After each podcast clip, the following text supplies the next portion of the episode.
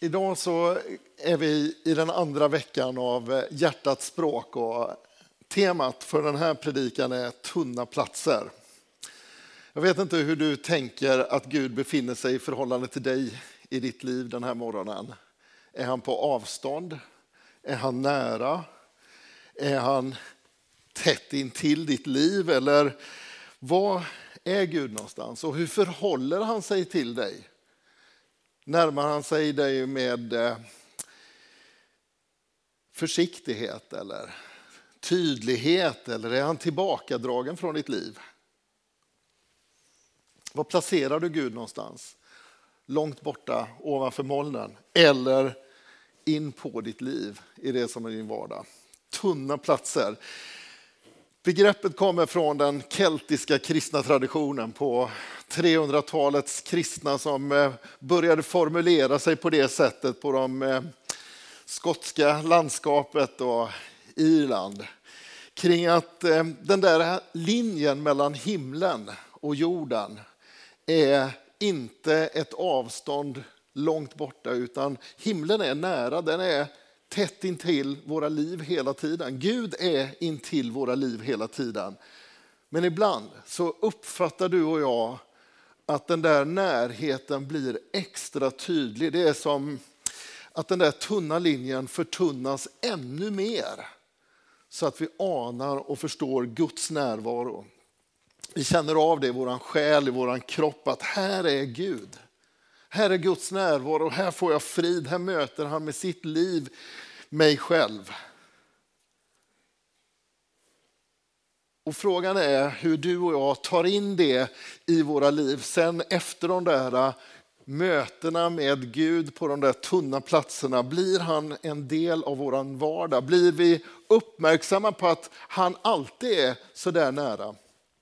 Och ibland får vi förnimma det på ett särskilt sätt. Och det där sättet att uttrycka tro är ju inte taget ur luften, utan det är taget från bibeltexten. Den där övergripande berättelsen om hur Gud söker sig fram för att möta oss människor. Han älskar oss och vill nå fram, vill fånga upp våra liv och hur han har skapat oss, gjort oss till sina och vill göra sig känd för oss. Och Bibeln beskriver ju genom Gamla Testamentet hur den där närheten till Gud går förlorad. Och istället för att erfara trygg relation med Gud och relationer av harmoni människor emellan så bryter sig en mänsklighet loss och säger vi klarar oss utan den närheten till Gud. Och det visar sig att det lossbrytandet leder till att också relationer krackelerar. Hur det sliter isär både på insidan av det egna livet men också isär relationer med andra människor. Istället för hemmahörighet med Gud och varandra så leder det till utanförskap, separation, brottningskamp i livet. Och så överraskar Gud, säger Bibeln. Han överraskar genom att göra sig känd för människor och visa sig för människor steg för steg. Han står inte där besviken som en tonårsförälder när barnet har sagt sitt och smält igen dörren och gått ifrån. Uppgiven inför det som händer, utan Gud kliver in, söker sig nära, visar sig om och om igen för människor i olika situationer. Och genom Gamla testamentets texter möter vi hur Guds rike bryter fram och bryter igenom, hur himlen kommer nära och gör sig känd för människor. Personligt låter livet beröras. En Gud som söker närhet. Och jag vet inte hur du känner inför Gamla testamentets berättelser. Vi ska alldeles strax gå in i en av dem. Jag kan ju känna mig ambivalent inför läsningen. Att det är svårt att läsa i Gamla testamentet emellanåt. Kanske bara jag här inne som gör det. Förra veckan läste vi om våldtäkter. Eh, den här veckan ska vi läsa om en dysfunktionell familj. Bibeln vänder sig inte bort från det som är det söndertrasade livet. Vad frånvaron för Gud gör med människor. Men det visar att Gud kan kliva in i de mest smärtsamma situationerna och göra sig känd. Och I det där sönderbrytandet av relationer som vi läser om så glimtar också himlen till. Och Gud börjar läka ut det som har gått sönder och är trasigt. Det är inte helt ännu, det är inte färdigt, men det är på väg och Gud berör. Och därför blir också med den vinkeln de här texterna hoppets berättelse in i ditt och mitt liv, tänker jag. När du och jag kanske känner att våra familjesituationer skakar. När våra liv skakar av, av bortvändhetens konsekvenser, när synden slår sönder. Så blir det hoppets berättelse att Gud inte värjer sig för det utan kliver in och gör sig känd. Så nu går vi till Jakob eh, i Gamla testamentet. Han befinner sig en dag, visade sig, på en sån där tunn plats där himlen, Gud, gör sig känd. Det är natt. Han eh, är ute i vildmarken och han lägger sig till att vila. Det står att han tar en, en sten som kudde för den där natten. Under natten så, så drömmer han.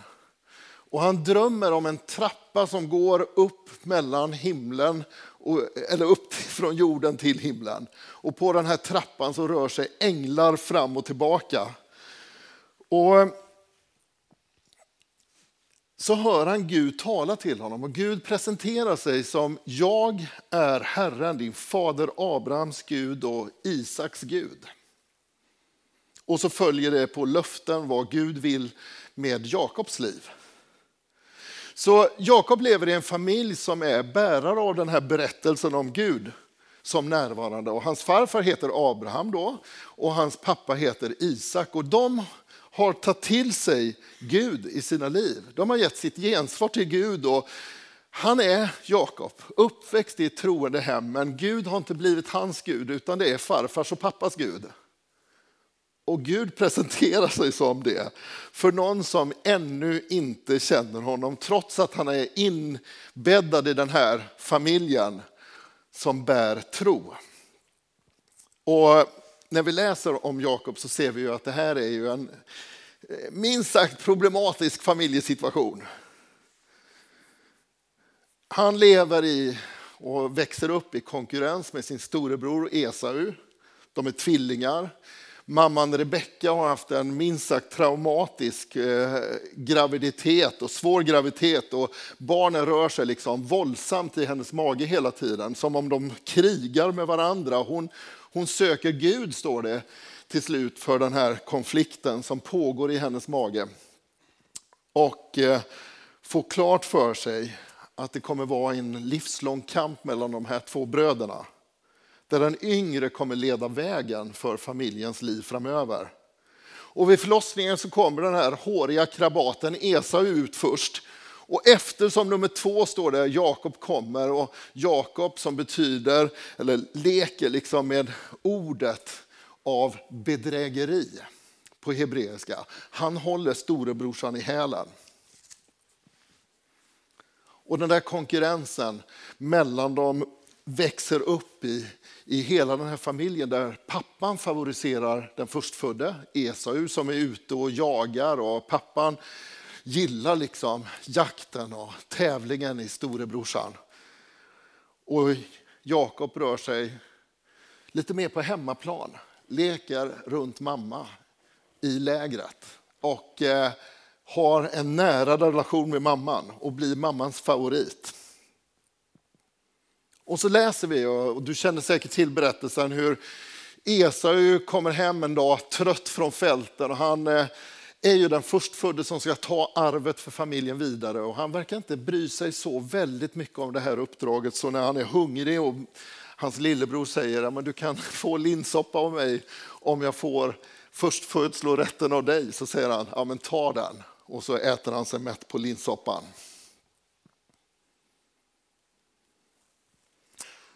Och så kommer den där dagen då pappa Isak börjar bli gammal och ska lägga händerna på sin äldste son och ge välsignelsen och uppdraget att föra familjens liv vidare. Och mamma Rebecka hör det här och hon sätter igång den här fantasifulla planen av att se till att Jakob ska lura till sig välsignelsen. Så han klär ut sig som sin bror när brorsan är ute för att jaga vilt till pappan. Hon lagar till en fantastisk måltid och han går in i det här tältet och pappan skumögd av ålder lägger sina händer på honom och till slut välsignar honom. Efter att Jakob har försäkrat, jo, jag är min bror Jakob. Eller Esau. Det är Esau du välsignar nu. Och han får efter några dagar fly för sitt liv.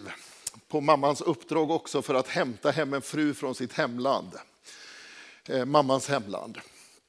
Och han eh, är nu då ute på det där fältet. Jagad av sitt bedrägeri förmodligen.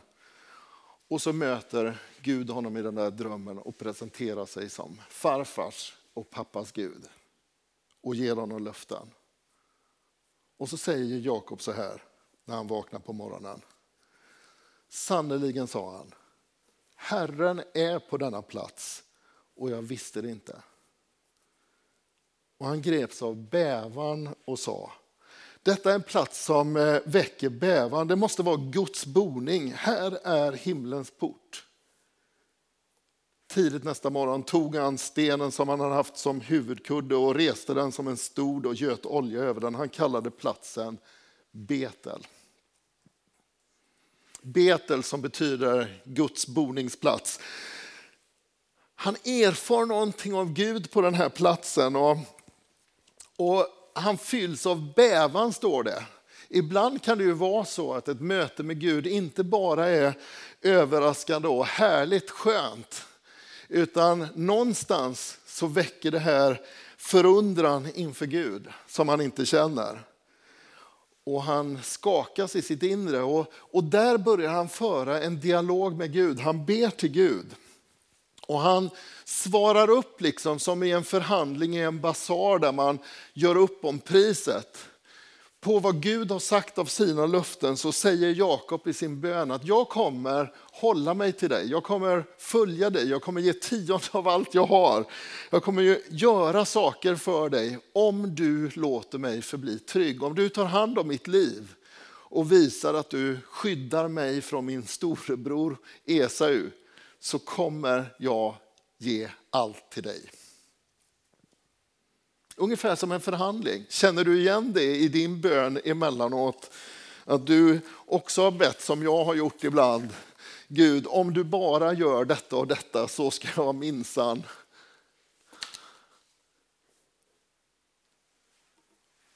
Och det där natten blir sen starten för Jakob att börja få fatt på mer om vem Gud är. Och det tar tid.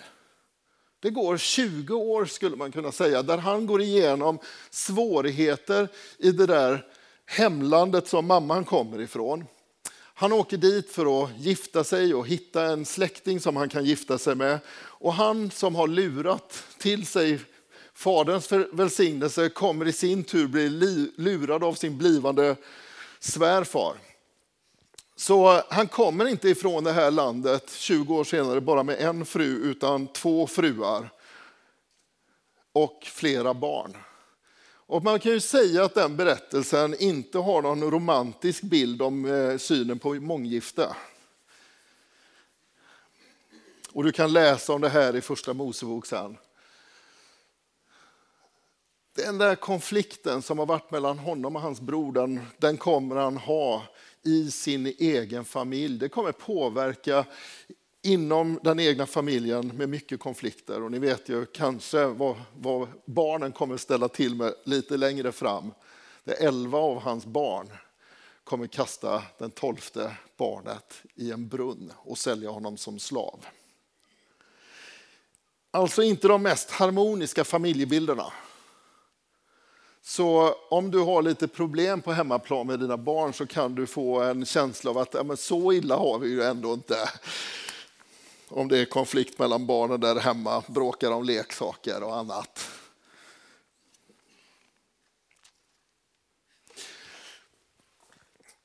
Och så välsignar Gud Jakob. Han får med sig rikedom, han, eh, han har med sig massor med resurser när han lämnar sin svärfar och börjar återvända hemåt. Men rikedom hjälper inte mot ångest och oro. Så på vägen hem är det oro och ångest som han har med sig tillsammans med sin rikedom i rädsla för mötet med sin storebror Esau. 20 år på flykt, 20 år av självtillräcklighet, 20 år där Gud förblir en annan mans Gud. 20 år i flykt och rädsla. 20 år där konflikter har staplat på varandra, där han har lyckats efter det han har velat.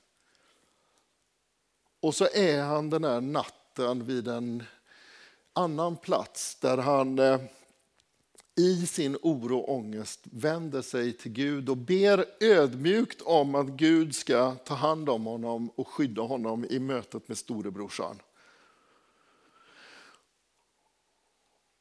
Och så står det att den där bönen den leder till en brottningskamp som varar hela natten. Och den brottningskampen är med en man. Och Jakob ger sig inte och det kommer visa sig att den där mannen han har brottats med genom natten är Gud själv. Så här står det. När han såg att han inte kunde besegra Jakob, alltså den andra mannen, slog han till honom på höftbenet så att höften gick ur led när de brottades med varandra. Släpp mig, sa mannen, dagen gryr. Men Jakob svarade, jag släpper dig inte förrän du välsignar mig. Han frågade honom, vad är ditt namn? Jakob svarade han. Då sa han, ditt namn ska inte längre vara Jakob utan Israel, du har kämpat med Gud och människor och segrat. Och det är, det är Gud som Jakob kämpar emot och han byter ut namnet på honom. Från att vara bedragaren till att bli den som kämpar med Gud och blir välsignad. Och han byter inte bara blick för sig själv. Framöver, från den här dagen, så kommer det inte längre bara vara farfars och pappas Gud, utan de som berättar om Gud efter den här situationen kommer säga att det är Abraham, Isak och Jakobs Gud, eller Israels Gud. Och Jakob kallar den platsen för Penuel, som betyder Guds ansikte. För han mötte Gud ansikte mot ansikte och Gud skonade hans liv. Och han går från den här platsen skadad och haltande resten av livet. Det där slaget mot höften märker honom. Och man skulle kunna säga att det blir den här personliga erfarenheten som sätter ett avtryck in i hans liv. Han kommer inte nu bara leva vad andra har sagt om Gud, utan han kommer leva märkt av Gud själv. Ett möte med Gud som förändrar allt.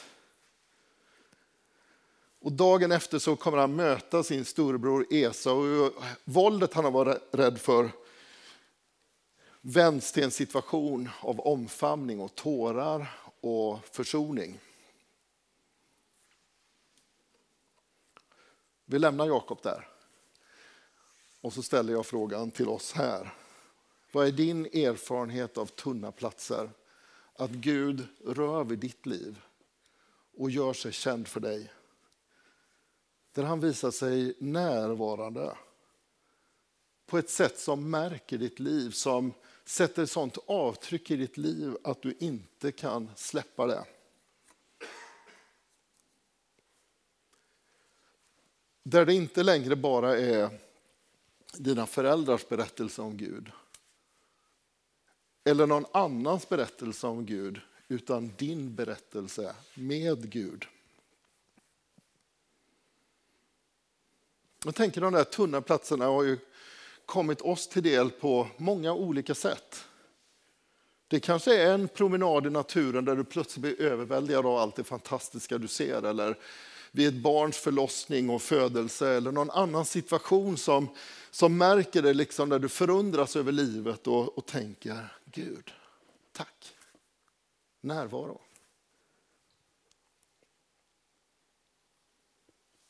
Det kanske är som för eh, Jakob, det överraskande plötsliga som öppnar plötsligt ditt seende där du förstår Gud är här. Där Guds närvaro gör sig känd i en särskild situation. Eller, eller så har det varit det där långsamma upptäckandet. Kanske har det varit rent fysiska platser där du har ditt Betel eller Penuel. Är det Bosarpsgården? Torpkonferensens område för er som har varit där. Laddat med positiva minnen av Guds närhet där många har bett. Det är som Gud här. Kanske med bävan har det där satt över avtryck eller bara överväldigad. Här är Gud, han rör vid mitt liv. Kanske i de eh, mötena har du känt av det där att det var skillnad mellan var du befann dig någonstans och vad Gud är. Och det där har väckt liksom en, en känsla av bävan där du har kastat ditt liv på Gud och sagt Gud, nu får du ta hand om allt, bära allt. Kanske har du mött dig själv i de mötena i situationer där du har försökt undfly ansvar, precis som Jakob flydde från sina ansvar sitt bedrägeri och du har fått syn på det och, och det där har gjort att nu stannar du upp för Gud och lämnar över det i hans händer. Kanske är det en situation precis som vid det sista tillfället vi läste om Jakob av oro och ångest eller något smärtsamt du är bärare av, något du är rädd för. Och där har Gud visat sig närvarande plötsligt. Efterklangen visar sig vara avgörande av den här svåra situationen du stod i. Du skulle aldrig önska dig tillbaka till det, men efterklangen vill du ha kvar i ditt liv. Jag hade oro och ångest, jag var rädd i den här situationen. Jag vill aldrig vara rädd på det sättet igen. Men Gud mötte mig samtidigt i det och det vill jag hålla fast vid. Har du varit med om de sakerna? På vilket sätt slår Jakobs berättelse an i ditt liv? Är det i gudstjänst som du har mött Gud, i hemgrupp eller i ett nära samtal? Ett bibelord som har blivit levande för dig, en bön som du har bett som, som öppnade någonting. Vi ska strax gå in i nattvarden och ta emot bröd och vin. Det är en av platserna där, där himlen och jorden möts i ditt liv, där det blir lite tunnare när Gud blir närvarande och tar din synd och lyfter av dig det du bär på som du vill bli av med och lyfter in sin frid i ditt liv. När jag läser Jakobs berättelse så är det ju många olika sådana minnesplatser som äger rum när jag tänker på det vi har hört hittills. När vi flyttade hit en gång i tiden när jag vaknade en natt i Tyskland på emissionsresa och hör liksom den här rösten i mitt huvud. Ni ska kalla Landskrona ert hem. Som var det där äh, tilltalet som gjorde att någonting fortsatte att förankras ner, som gjorde att jag lever här idag tillsammans med Malin. Här ska vi vara. Här är hemma. Har Gud kommit till tals in i ditt liv? När jag läser Jakobs text idag så, så kommer jag att tänka på för snart två år sedan hur jag här nere på gatan, i slutet av gatan på övergångsstället blev påkörd av en bil. Kanske är det för att texten om Jakob talar om en skadad höft och, och jag känner av den där höften nu, två år senare. Den där touchen på höften, hur jag kom undan och landade på fötterna i krocken. Fantastisk erfarenhet egentligen, att under ett års tid under pandemin gå och fantisera. Hur gör man om man håller på att bli påkörd av en bil. Varför gick jag och funderade på det? Det kan man ju verkligen fråga sig. Men det som målades upp för mitt inre var ju delvis James Bonds-rörelsen, att springa upp på motorhuven, springa över taket och rulla sig ner på andra sidan och fortsätta springa. Och den andra bilden jag hade i huvudet det var att sätta händerna på motorhuven och hoppa upp i planka för att undvika att höften och benen skulle slås undan av bilen. Sånt där kan jag gå och fundera på ibland. Och så kommer den här dagen när jag är på väg till övergångsstället, tittar åt vänster och höger ser polisbilen med blåljus som har kört in på gatan och undrar om det har hänt något borta i kyrkan och har uppmärksamheten framåt. Ser hur bilen stannar åt vänster och bilen som kommer ovanifrån åt höger är på långt avstånd och jag börjar gå. Och jag gör inte som jag brukar göra, titta åt höger när jag är halvvägs över. Och det enda jag hör är tjutande bildäck. Och så ser jag på den där millisekunden den där huven komma närmare. Hoppar upp på den som James Bond. Nej, men jag sätter händerna på motorhuven och hoppar upp i plankan, får touchen på höften. Och när bilen står still så landar jag ner på fötterna och går upp på trottoaren. Pröva inte detta hemma. Jag skulle aldrig vilja vara med om det igen. Jag går och funderar nu på lite andra saker. Men eh, detta vill jag inte vara med om igen. Men det som händer efter den upplevelsen är ju förundran över att jag lever. Tacksamhet över det. Men också skräcken inför, vad är mitt liv någonstans? Jag höll på att dö. Så när chocken lägger sig så leder ju det till jättemycket tårar och gråt och liksom genomlysande av livet. Både tacksamhet men också vart är jag någonstans? Vart är jag på väg någonstans? Vart vill jag någonstans med mitt liv? Vad är dina erfarenheter av att Gud rör vid ditt liv? I det exceptionella, det ovanliga, men också i mitt i allt det där vanliga. Och var är Gud och du med varandra idag? Är han nära? Upplever du honom frånvarande eller tillbakadragen? Vi kommer ju in i nattvardens stund nu där vi får överlåta våra liv till Gud. Säga som det är. Här är jag Jesus. Här är jag med mitt liv, här är jag med mina minnen, här är jag med min smärta, här är jag med min glädje. Jag överlåter det som jag har fått syn på. Och när du går fram till nattvarden, tveka inte på Guds intentioner. Han är på din sida. Han vill möta dig och mig med sin närvaro. Han är både aktiv och inväntande av ditt liv. Du kanske behöver ett namnbyte den här morgonen. Där du sätter ett annat ord på ditt liv än att Gud är frånvarande. Gud är här. Han är närvarande och han bjuder in dig. Och han vill visa sig för dig mitt i din vardag. Så mm, öppna dig för honom när vi går in i nattvardens stund alldeles strax. Vi ska sjunga en sång nu och sen går vi in i överlåtelsebönen och ber Gud, du som hör samman med mitt liv, jag öppnar mig för dig.